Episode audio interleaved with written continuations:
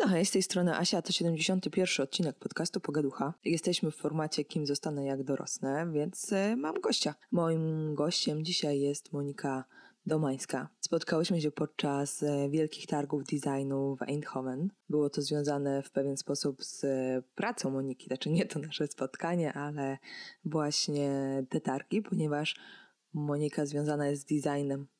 Jest współzałożycielką Traffic Design, na pewno jeśli jesteście z Trójmiasta, to kojarzycie. Pewnie też jeśli jesteście z Warszawy, to wiecie o czym mówię. Traffic Design zajmuje się urbanistyką, designem w przestrzeni miejskiej. Na początku swojej działalności tworzyli razem z znanymi artystami murale wzdłuż trasy SKM. Organizują też festiwal, który z czasem stał się Biennale, czyli festiwalem dwuletnim. Przy jego okazji możemy podziwiać właśnie nowoczesny, dobry design stworzony z myślą o człowieku. Mają na swoim koncie bardzo dużo realizacji związanych też z szyldami, z odnawianiem, odświeżaniem przestrzeni miejskiej. Podczas naszej rozmowy kilka takich realizacji wspominamy. W Trójmieście jest to na przykład słynny bar mleczny słoneczny, który zmienił swój szyld. Wygląda teraz zupełnie inaczej niż wyglądał jeszcze jakiś czas temu. Skąd wzięła się w Monice ta zajawka do tworzenia, poprawiania zmieniania przestrzeni, w której żyjemy, jaki wpływ ma miasto, w którym mieszkamy na nas, jako na mieszkańców i w jaki sposób my możemy wpływać na miasto, które tworzymy. O tym właśnie rozmawiamy w tym odcinku. Zapraszam. Pogaducha. Ludzie, pasje, praca, kariera. Cześć, hej. Spotykamy się w Eindhoven, ponieważ y, właśnie trwa Dutch Design Week.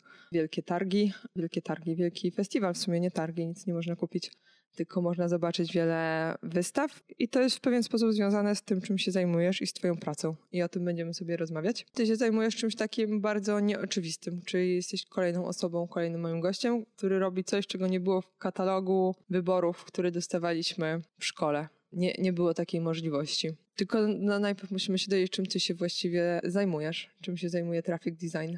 To jest bardzo dobre pytanie i chyba nie ma na to łatwej odpowiedzi. Całe szczęście dużo moich znajomych, jak robi właśnie dziwne rzeczy, to mówią, że babcia się ich pyta, co robisz, oni mają problem. Mhm. Akurat moja babcia się zajmowała, była dziennikarką telewizyjną i kulturalną, więc dla niej wytłumaczenie jej rzeczy związanych z kulturą i sztuką jest bardzo łatwe, ale kiedy inne osoby pytają, czym się zajmuje, no to tutaj bywa to ciężkie. W 2011 razem z Jackiem Wielepskim i Natalią Kaczor założyliśmy stowarzyszenie Traffic Design i w sumie od wtedy zajmujemy się taką szeroko pojętą, można powiedzieć, sztuką i designem w przestrzeni publicznej. To, co mhm. nas różnicuje od od innych, powiedzmy, nie wiem, artystów, projektantów, NGO-sów, to jest takie nasz, nasze skupienie się na tym, co jest y, ogólnodostępne i jest w przestrzeni publicznej, a nie jest to taki design, powiedzmy, wnętrzarski, do kupienia za grube pieniądze, tylko coś, co widzisz na ulicy. Okej, okay. i to był rok 2001, czyli to był... 2011. 2011, czyli to było 8 lat temu. Dobrze liczę? E, wydaje mi się, że dobrze liczę.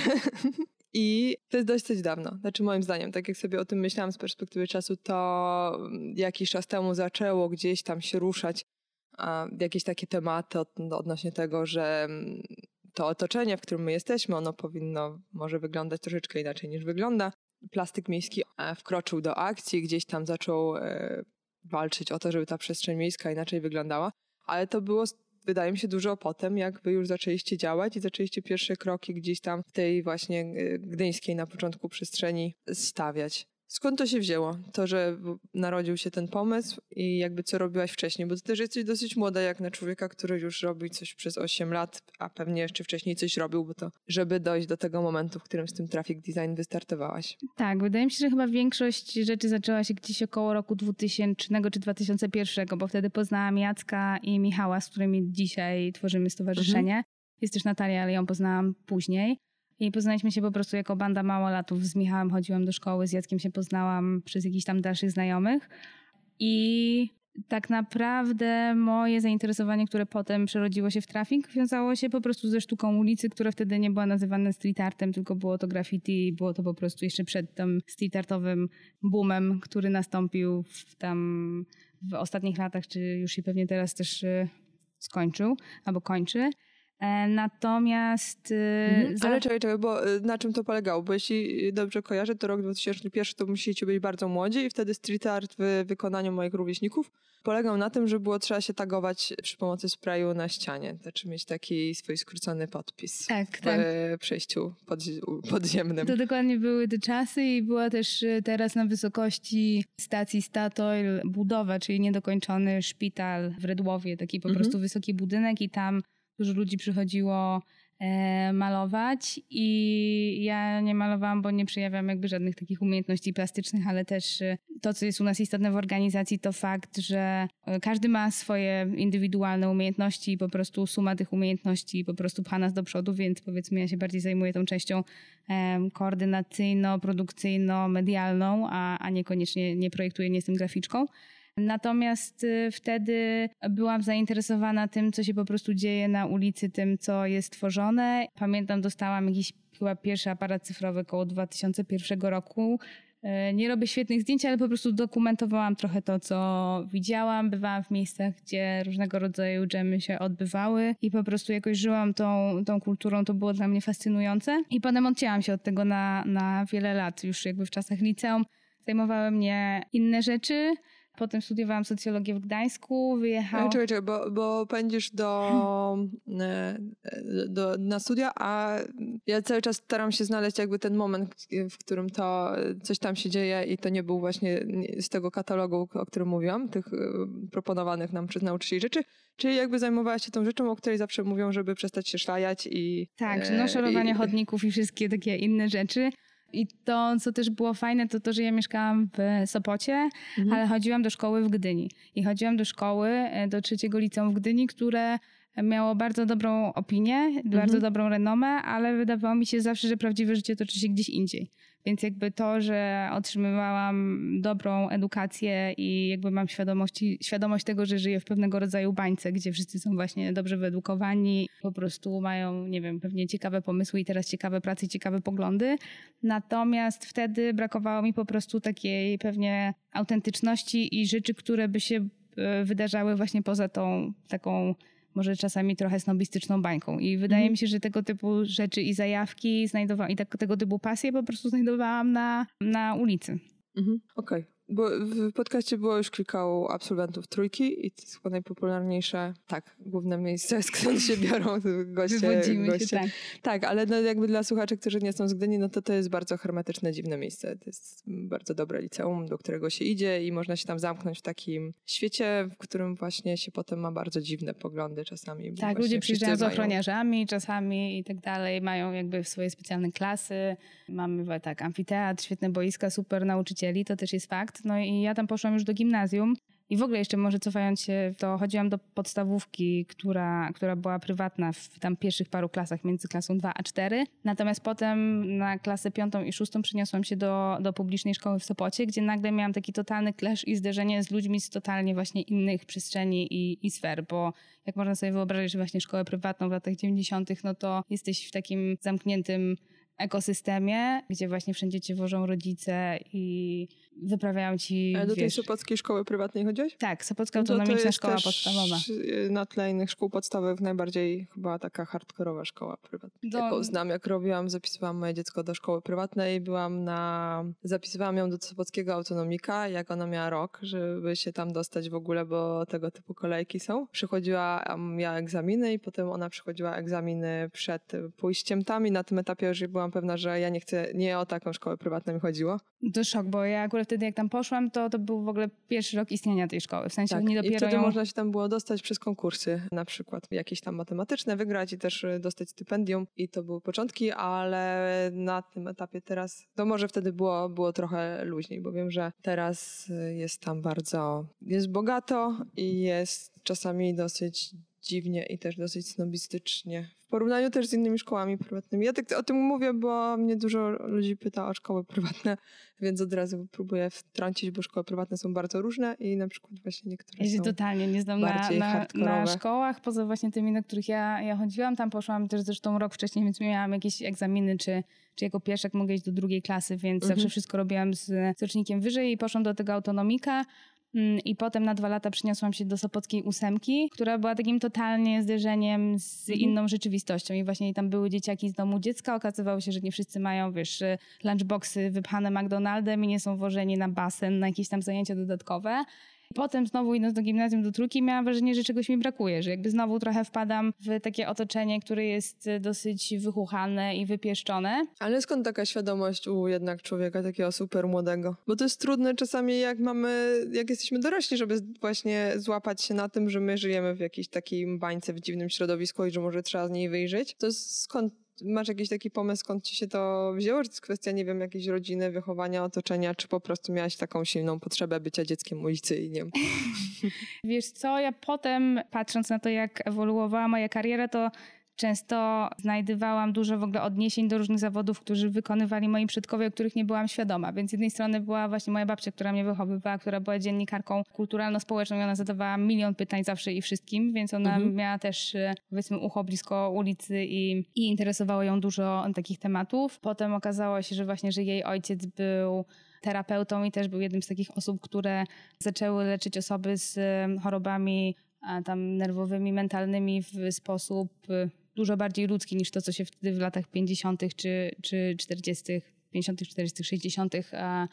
robiło, więc on też jakby miał ten mocno taki ludzki charakter i fokus, a jeszcze wcześniej pradziadek był architektem i urbanistą, więc nagle takie połączenie tego, co ludzkie, tego, co kulturalne, artystyczne i też e, teraz już architektoniczne, czasami też z takim aspektem urbanistycznym, że te wszystkie elementy łączą się w tym, co robię teraz, ale taka miejsko-ludzka zajawka i zainteresowania to chyba było coś, co no jakoś zawsze mi towarzyszyło gdzieś. To lecimy dalej. E, mówiłaś o tym, już, już pędziłaś w kierunku studiów, to porozmawiajmy co z tymi studiami. Tak, a mogę się w sumie jeszcze cofnąć e, o jeden właśnie krok, bo też e, szybko pojawił się w moim życiu internet. I ja prowadziłam bloga między 2001 a 2012, 2010, może 11 rokiem, z jakimś mhm. rokiem przerwy.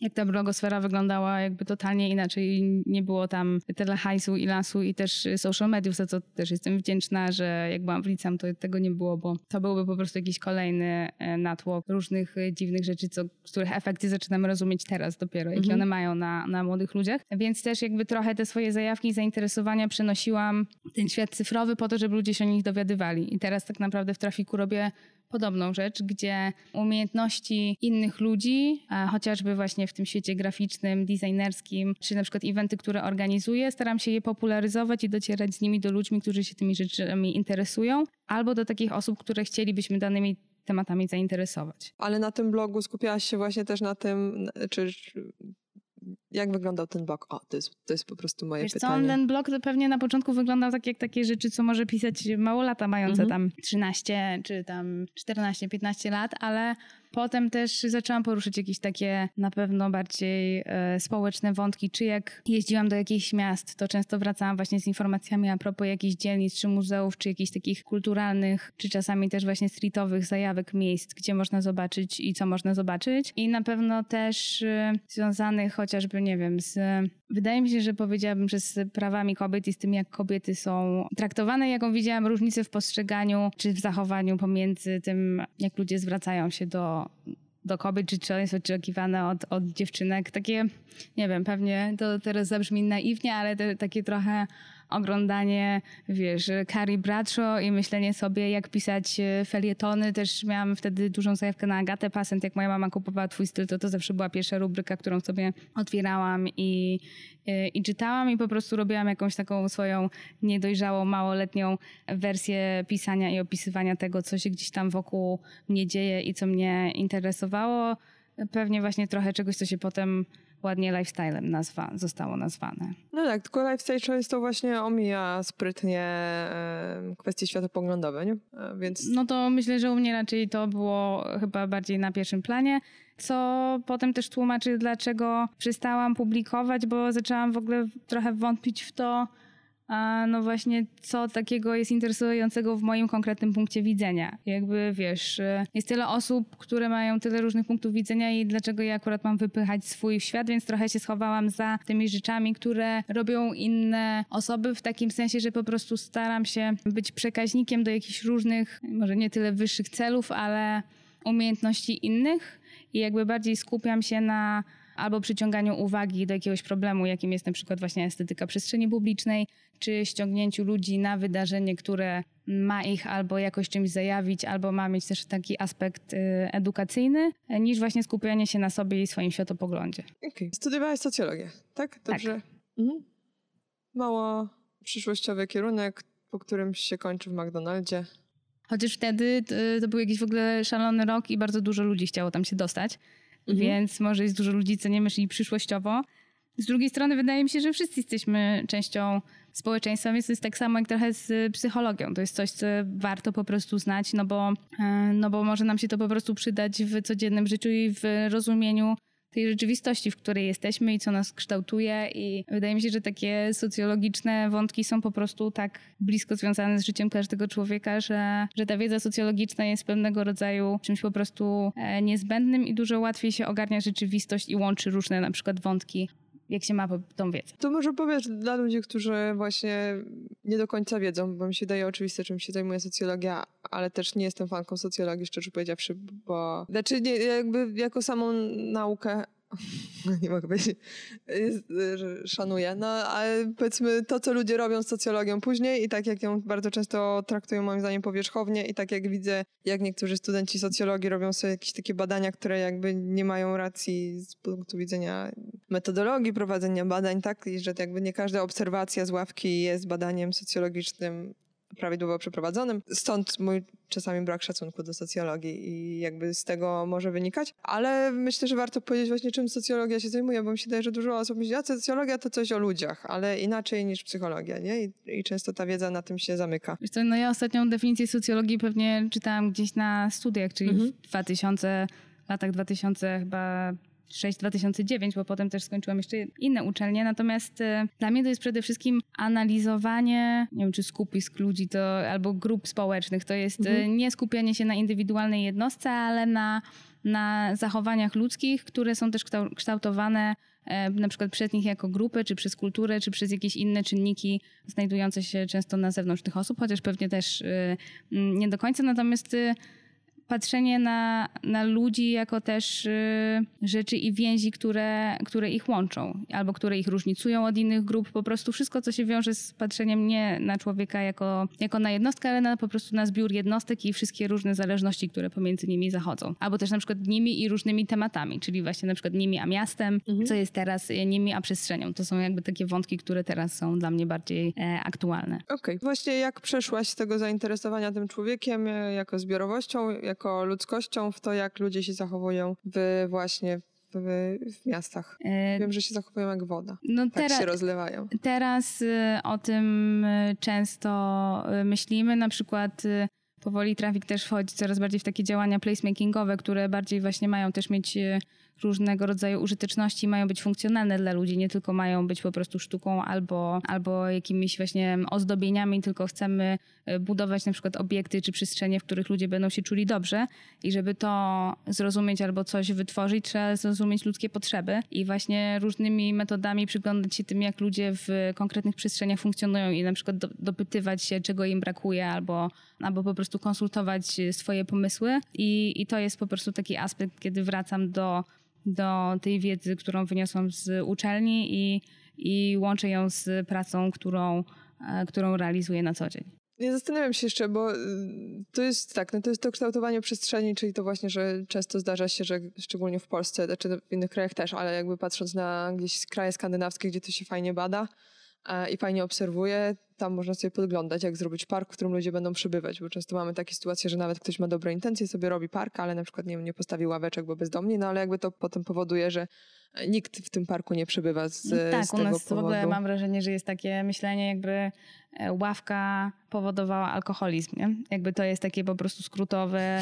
ale podoba mi się, bo to jest myślenie. łatwe łatwo taki problem rozwiązać, skoro tak. Dokładnie, nie ma ławki, nie ma alkoholika, jakby nie ma problemu. I potem już y, tak naprawdę to to pewna bardzo wąska grupa osób dyktuje to, jak wygląda przestrzeń dla dużo szerszej grupy osób, nie? Czyli, że już nie usiądzie tam po prostu człowiek, nieważny w jakim jest wieku, czy, czy jak zamożny, po prostu nikt tam nie usiądzie, więc nikt tam nie będzie przebywał, a przecież równie dobrze ławka nie tylko służy przysłowiowemu alkoholikowi, tylko, nie wiem, osobie starszej, y, młodzieży szkolnej, wiesz, matce czy ojcu z dzieckiem, no tak naprawdę każdy może być użytkownikiem ławki, natomiast jakaś taka szalona obawa przed jedną grupą, która mogłaby ją okupować, powoduje, że na przykład tych ławek w przestrzeni nie ma.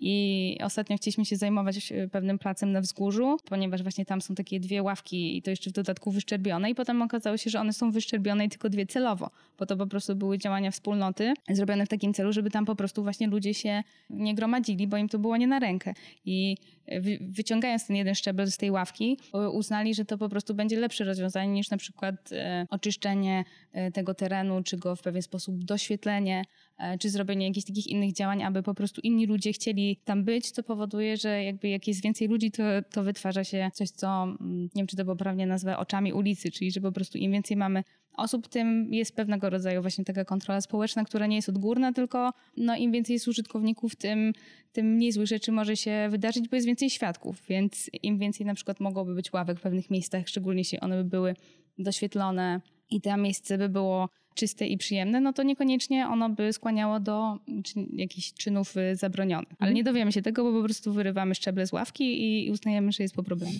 Byłaś w Londynie.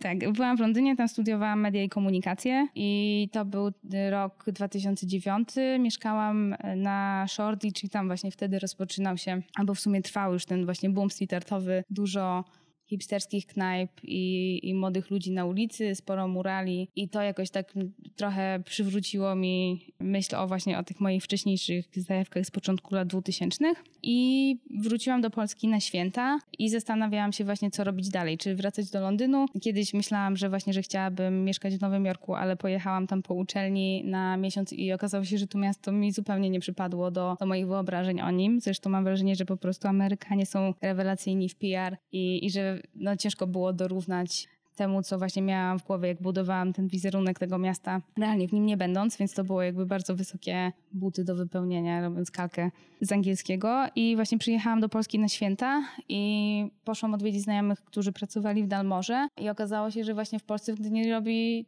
dzieje się masa bardzo ciekawych rzeczy, że właśnie są znajomi, którzy są e, grafikami albo ktoś...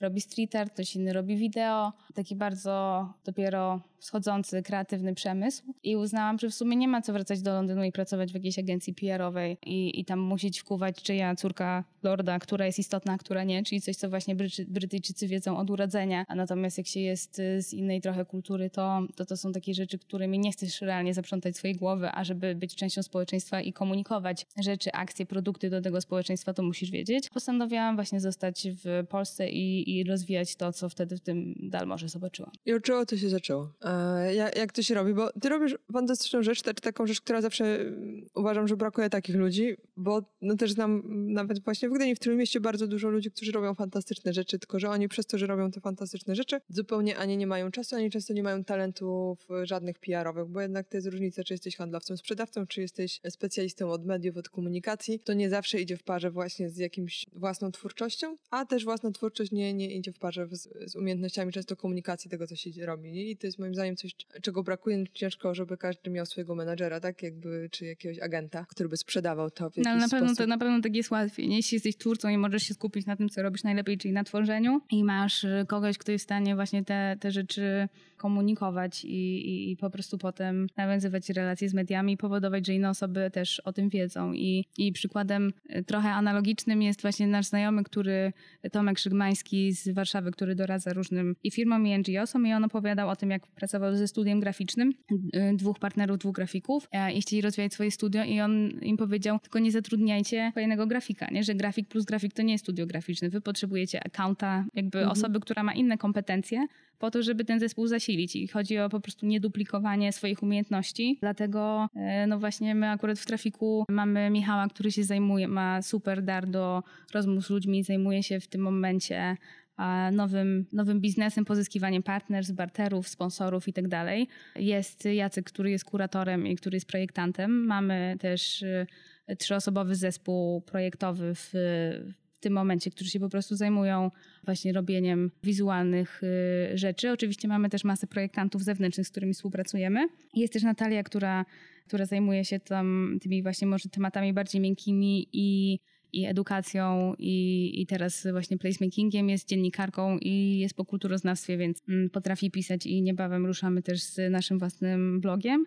I jest Gosia, która jest project managerką, która też e, zajmuje się konsultacjami społecznymi, więc tak naprawdę nasze, nasze umiejętności są bardzo różne.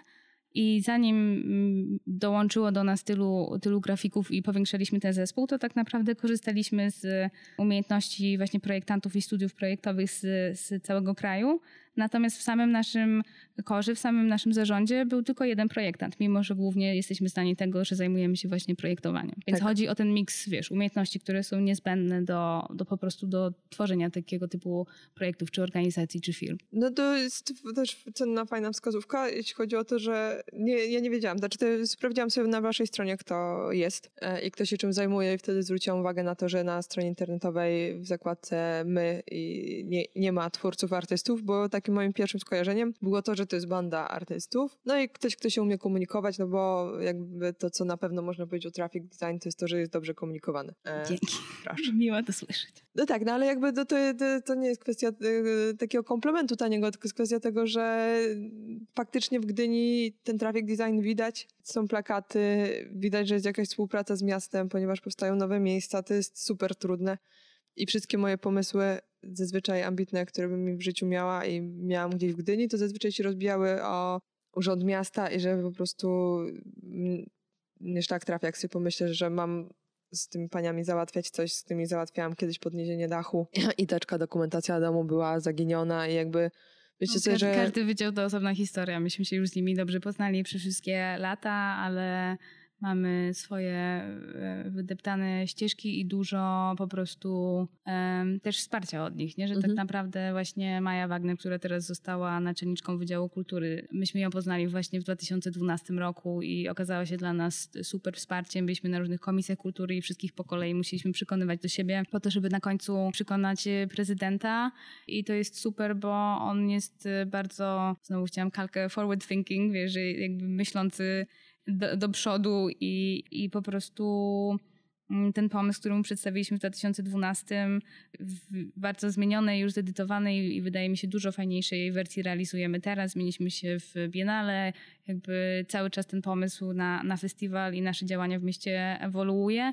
Natomiast na pewno darzymy się dużym za, zaufaniem i nigdy nie było żadnych interwencji z ich strony, ani jakichś takich właśnie zagrywek, co by miasto chciało, żebyśmy zrealizowali. Ale domyślam się, że dla, dla wielu osób y, kontakt z urzędem może być niełatwy, ale też jest sporo coraz y, młodszych osób, które gdzieś tam w tym urzędzie czy w tej polityce zaczynają funkcjonować, więc y, wydaje mi się, że te struktury też y, stają się mniej po prostu skostniałe, szczególnie przez te lata, od kiedy my tam też funkcjonujemy. No pewnie, tylko jakby chodzi mi o to, że trzeba zdawać sobie sprawę, że- to będzie twoja praca, nie? I że to na pewnym stanowisku będzie coś, czym się będziesz zajmować, to będzie po prostu rozmawianie z urzędami, pisanie, poprawianie, nawet nie z powodu ich złych intencji, tylko że tak musi być złożony papier, to będzie trzeba do tego składać korekty, tak coś tam do, dosyłać i, i jakby z mojego punktu widzenia, jak sobie myślę, że miałabym to robić i cokolwiek bym miała osiągnąć, to ta cena będzie dla mnie za duża. Dla nas o tyle fajnie, że to się właśnie rozkłada na parę osób, że Mhm. wiesz, że coś zrobi Michał, coś zrobię ja, plus ja też jestem mega zadaniowcem, nie? Więc Mhm. dla mnie po prostu, no właśnie, zawsze się śmiejemy, że realizowaliśmy te festiwale, szczególnie na początku, bo nie wiedzieliśmy, że to jest niemożliwe. W związku z tym po prostu robiliśmy swoje. To były też czasy, kiedy na przykład nie było właśnie plastyka miasta, bo wtedy zaczynaliśmy, tylko konsultowaliśmy coś z konserwatorem, albo robiliśmy jakieś rzeczy, które potem sami e, były prace, które sami zamalowywaliśmy, bo, bo nie byliśmy do końca zadowoleni z efektu, ale działaliśmy taką, napędzani taką po prostu małoletnią siłą i zajawką w to, że ktoś właśnie w nas uwierzył i dał nam finansowanie i że możemy po prostu to zrobić i zapraszać super osoby z Polski, a potem ze świata. I po prostu harowaliśmy po wiele, wiele godzin dziennie i jak właśnie ktoś mówił, że coś się nie da, to jakoś tak y, wzdrygaliśmy ramionami i właśnie e, Jacek też ma tą umiejętność tą samą co Michał, że no, on po prostu cię zagada na śmierć i cokolwiek by chciał, żebyś do czego miałbyś się zgodzić, to jest duża szansa, że on wyjdzie z tak, bo nie da ci spokoju, dopóki, dopóki nie przystaniesz jakby na jego pomysł, więc właśnie e, zdobywanie ścian, e, co dla mnie jest umiejętnością po prostu praktycznie dostępną, dla nich jest y, bardzo łatwe i tak samo jest z innymi rzeczami, które są nam niezbędne. Więc po prostu mamy dobry zestaw znowu umiejętności, który jakoś tak wzajemnie się napędzamy i robimy takie rzeczy często w jakichś polach i płaszczyznach, które nie są do końca popularne i, i po prostu przy niektórych rzeczach przecieramy szlaki i też my się przy tym uczymy nowych rzeczy. Nie? Bo zaczęliście od tego, od czego właśnie zaczęliście? Od tego, żeby mi namalować mural pod domem na zgody. To były jakieś takie początki. Tak, na zgody to jest już 2014 rok. My zaczęliśmy od 2011, robiąc festiwal na 10 ścianach w całym Trójmieście przy współpracy z SKM-ką i większość e, tych ścian było właśnie w okolicach SKM. Wtedy e, dyrektorem marketingu był Marcin Głuszek, który był bardzo, bardzo fajnym e, człowiekiem. Nadal jest fajnym człowiekiem, a już już nie pracuje w SKM mhm. i właśnie rozmawiałam z nim nawet wczoraj i myślałam, jak bardzo ta nasza współpraca była taka przyszłościowa, kiedy zaczynaliśmy w, w 2011 i, i, ile po prostu lat wspólnie spędziliśmy zdobiąc te okolice SKM-ki i wtedy też szukaliśmy pieniędzy, bo nie mieliśmy żadnego finansowania i to był właśnie ten pierwszy rok, kiedy wróciłam po, po studiach z Londynu. Jacek nakreślił mi ten pomysł, że moglibyśmy zrobić taki festiwal. Staraliśmy się dostać grant, którego się nie udało dostać. No i stworzyliśmy na szybko ofertę zupełnie nie wiedząc, jak to, jak to zrobić, mając tam chyba, nie wiem, 21 czy może 2 lata wysłaliśmy je w parę miejsc i odezwał się Teatr Wybrzeże. I powiedzieli, że okej, okay, to w takim razie my sfinansujemy te murale, tylko x z nich, chyba trzy wtedy, mają mieć jakieś takie mm, teatralne motywy. I jakby przystaliśmy na to i dwa murale w Gdańsku i chyba jeden w Gdyni miały te wątki teatralne, e, a oprócz tego zrobiliśmy jeszcze siedem ścian i głównie właśnie takimi siłami lokalnych artystów, ponieważ po prostu nie mieliśmy budżetu wtedy, żeby zapraszać kogoś z poza Trójmiasta. Czyli to się zaczęło?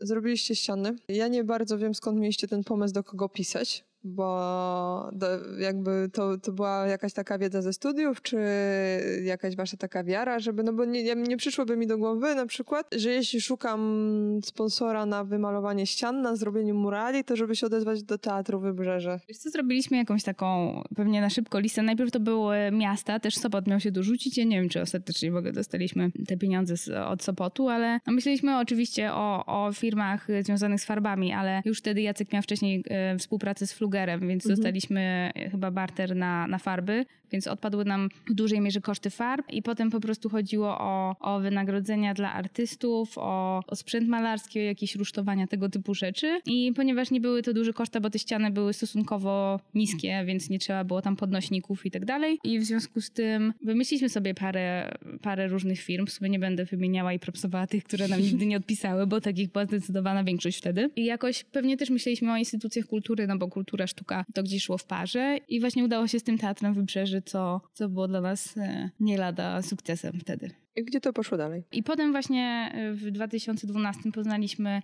e, Maję Wagner, starając się po prostu dostukać do, do miasta Gdynia. I ona była może nie tyle fanką naszej roboty z pierwszego festiwalu, ale po prostu też nam zawierzyła i zaufała w ten projekt. Byliśmy na komisjach kultury, przekonywaliśmy do siebie kolejnych urzędników, też, e, też Wydział Kultury, różnych radnych i ostatecznie trafiliśmy do prezydenta i po prostu powiedzieliśmy mu, co chcielibyśmy zrealizować, mniej więcej jakie ściany, jakiego rodzaju osoby, jakie nazwiska. Pomagało też na pewno to, że z Gdyni był Mariusz Waras MCT, który już wtedy był postacią dosyć znaną na, na świecie, a tak naprawdę nie miał wtedy w mieście swojego takiego reprezentacyjnego mm, muralu, tylko bardziej jakieś mniejsze realizacje.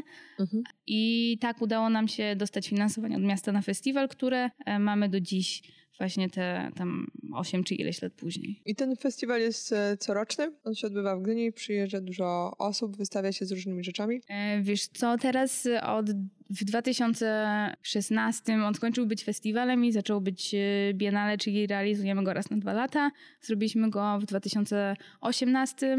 W tym roku mieliśmy przerwę i robimy, teraz pracujemy nad e, edycją jesień 2020. Jak ludzie na to reagują, na to, co wy zmieniacie? Bo macie wielką, taką chyba najbardziej znaną, znaczy to, to prawdopodobnie z waszej perspektywy nie jest największa, ale powiedzmy jest najbardziej mm, rozpoznawalna, to jest na przykład Bar Mleczny Słoneczny. Znane miejsce w Gdyni i zawsze jak ktoś przyjeżdża do Gdyni, tam się żywił podczas e, wakacji. Jak ktoś studiował w Gdyni, to pewnie tam jadł przez e, całe studia. No to jest miejsce kultowe od wielu lat w tym samym miejscu i nagle został zmieniony szyld. Na szyld, który nawiązuje estetyką, nie tylko szyld został zmieniony, tam jakby cała ta aranżacja zewnętrzna została zmieniona i to jest właśnie ten kontakt tej sztuki, bo to jest zrealizowane w sposób artystyczny, fajny. To nie, jest, nie są tanie produkty zamówione gdzieś tam na, na, naklejki na szybę, tak jak często to się e, robi. Ale jednak to jest takie miejsce, które się styka z takim, e, co głupio zabrzmi, ale jakby najbardziej prawdziwym człowiekiem. Nie? Jak, zresztą Bar Mleczny Słoneczny był w podcaście już właśnie wymieniany. W odcinku o, e, o, o pracy, pracy z domu, czy o pracy samodzielnej z biura, że to jest takie miejsce, do którego ja mogę iść, jak ja już czuję, że za bardzo odlatuję, bo pracuję w moim kreatywnym małym świecie, w małym pokoiku, ja i internet, i ludzie mediów, i Instagramy i myślę sobie, że coś idzie nie tak, no to właśnie Bar Mleczny Słoneczny jest tym miejscem, w którym spotkasz wszystkich. Wszystkich. No. Nigdy nie wiesz, kto się do ciebie przysiądzie i z kim ci przyjdzie zjeść tak. obiad. To jest super. Jaki jest odbiór tych ludzi na to, co, co wy robicie? My nie mamy, chociaż w sumie mamy przebadanych trochę osób, natomiast nie było to po realizacji baru mlecznego słonecznego, ale zanim właśnie zrobili, jak mieliśmy tą przerwę w 2017 roku, kiedy zrobiliśmy tylko jedną realizację, to była wtedy Żłobek Niezapominajka, to poszliśmy tak dwutorowo i z jednej strony właśnie Jacek z naszym fotografem Rafałem objechali Polskę w poszukiwaniu różnego rodzaju detalu w architekturze modernistycznej, myśląc o, o właśnie o tym, co będziemy robić w 2018 roku. I to była taka po prostu kurator, kuratorska rozkminka, co zaprezentujemy w Gdyni za rok. Natomiast ja się skupiłam na stworzeniu z takiego badania właśnie z agencją badawczą inny format, gdzie przepytaliśmy Gdynian, trzy różne grupy wiekowe. Tam była młodzież, osoby starsze i osoby w średnim wieku. Zabraliśmy takie małe grupy na badania jakościowe. To był spacer od mniej więcej od dworca, ulicą Starowiejską, potem Abrahama, Y, zawijaliśmy gdzieś w okolicach Baltic Plazy i potem szliśmy do infoboxu, przedstawiliśmy im nasze realizacje dotychczasowe, omawialiśmy właśnie ten spacer, co im się w przestrzeni miasta podobało, czego im brakowało, co im się najbardziej nie podobało, które fragmenty, jakie rodziły wrażenia i dlaczego.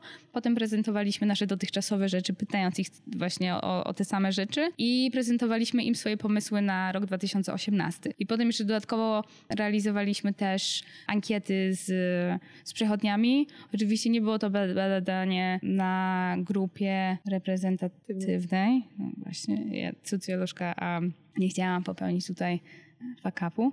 Natomiast y, tam faktycznie chyba na tamten moment y, szyldy miały najlepszy odbiór ale też y, było tak, że ludzie sami sugerowali, co by było dla nich przydatne.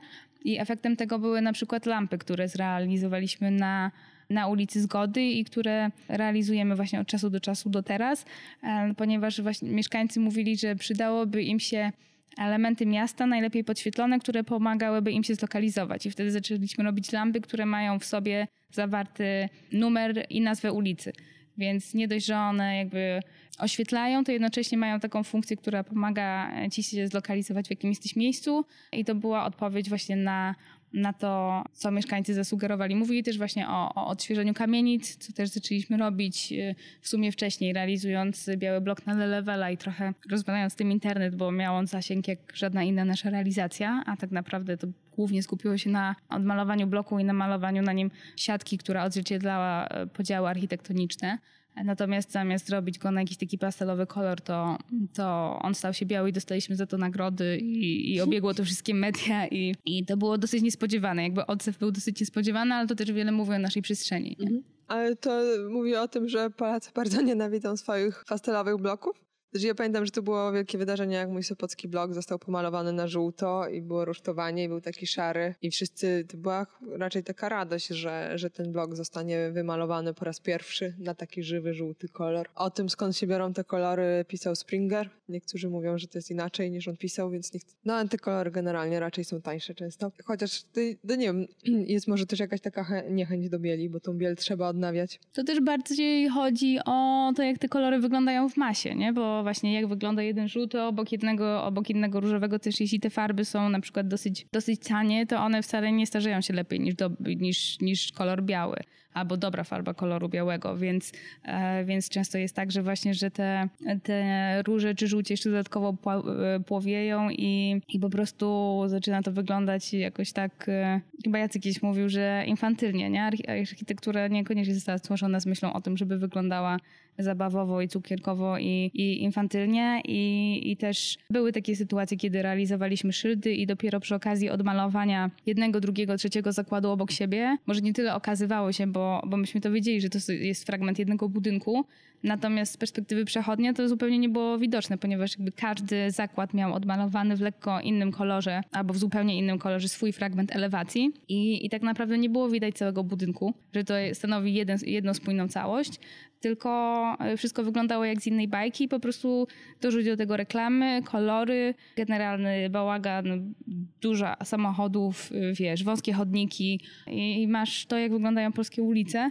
I, i każdy z tych elementów jest czymś, e, co staramy się w jakiś sposób zmieniać. I też jakby nie piętnując, tylko raczej pokazując dobry przykład i promując ten dobry przykład, żeby on po prostu informacja o tym niosła się dalej i, mm, i żeby inne osoby, czy takie właśnie starające się otworzyć nowy biznes myślały o tym, czy takie, które już ten biznes mają, ale chcą coś zmienić, myślały o tym i oczywiście też urzędnicy i po prostu zwyczajni odbiorcy, którzy będą się tym jarać i na przykład to dotrze do urzędników czy do mediów i, i też ponownie poniesie jakby tą wiadomość dalej. Bo wy robicie takie małe miejsca, czy na przykład y, teraz dużo w Warszawie sklep wędkarski, ale w Gdyni to jest zakład krawiecki, czy sklep sprzedający maszyny do szycia, to nie są jakieś takie właśnie wielkie miejsca i to są często bardzo drobne zmiany, które po prostu zdecydowanie poprawiają tą estetykę i zastanawiam się na ile tym jest waloru takiego edukacyjnego i też co jeszcze robicie w ramach edukacji, bo ja się cały czas zastanawiam skąd wynika ten problem, czy ludzie w ogóle widzą jak bardzo jest brzydko na ulicach. Znaczy ja wiem na przykład, że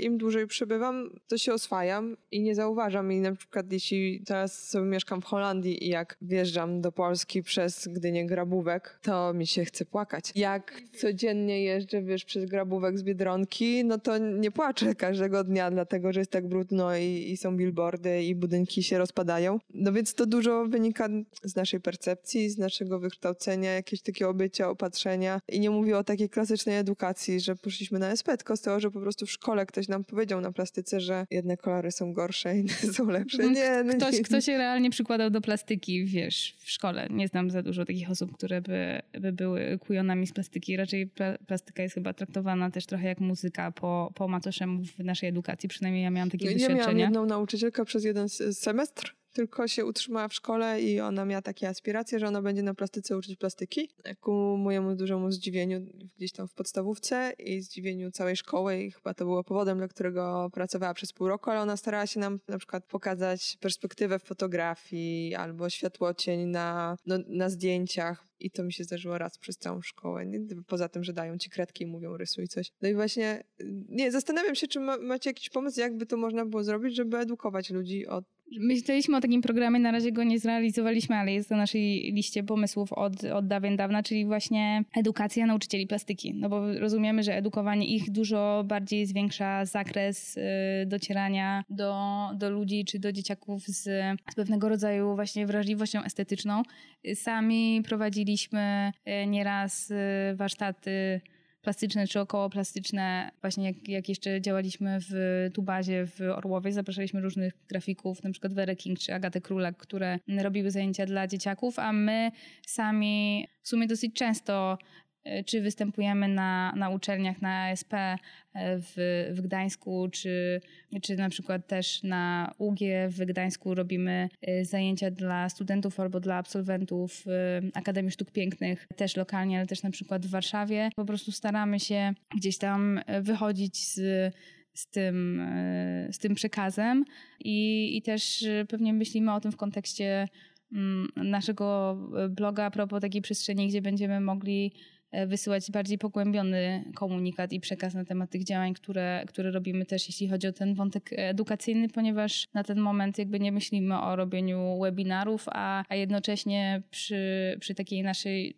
przy mediach i, i rzeczach, które mamy do dyspozycji, jeśli chodzi o komunikowanie projektów, no to na ani Facebook, ani Instagram takiej, wiesz, pogłębionej, ciężko jest sprzedać taką pogłębioną wiedzę, która nie jest po prostu w pigułce, więc y, a, a jednocześnie też rozumiem, że jest na to mega duże zapotrzebowanie, a my się nie rozstroimy i działamy Trójmiasta, więc też y, zastanawiamy się po prostu, jak e, z tym przekazem czy z tym know-howem wychodzić poza to lokalne środowisko. I takie pytanie na koniec, e, bo chyba na nie w sumie nie odpowiedziałaś, bo pewnie go nie zadałam, ale e, to jest po co? Jakby po co to wszystko robisz, po co to wszystko wymyślasz, po co razem w tym działacie i po co to zmieniacie, żeby po prostu było ładnie, bo to jest takie Wiesz, to... Chyba tytuł książki Sebastiana Frąckiewicza, tak mi się wydaje, tak mi się wydaje przynajmniej, żeby było ładnie, to chyba, to chyba on.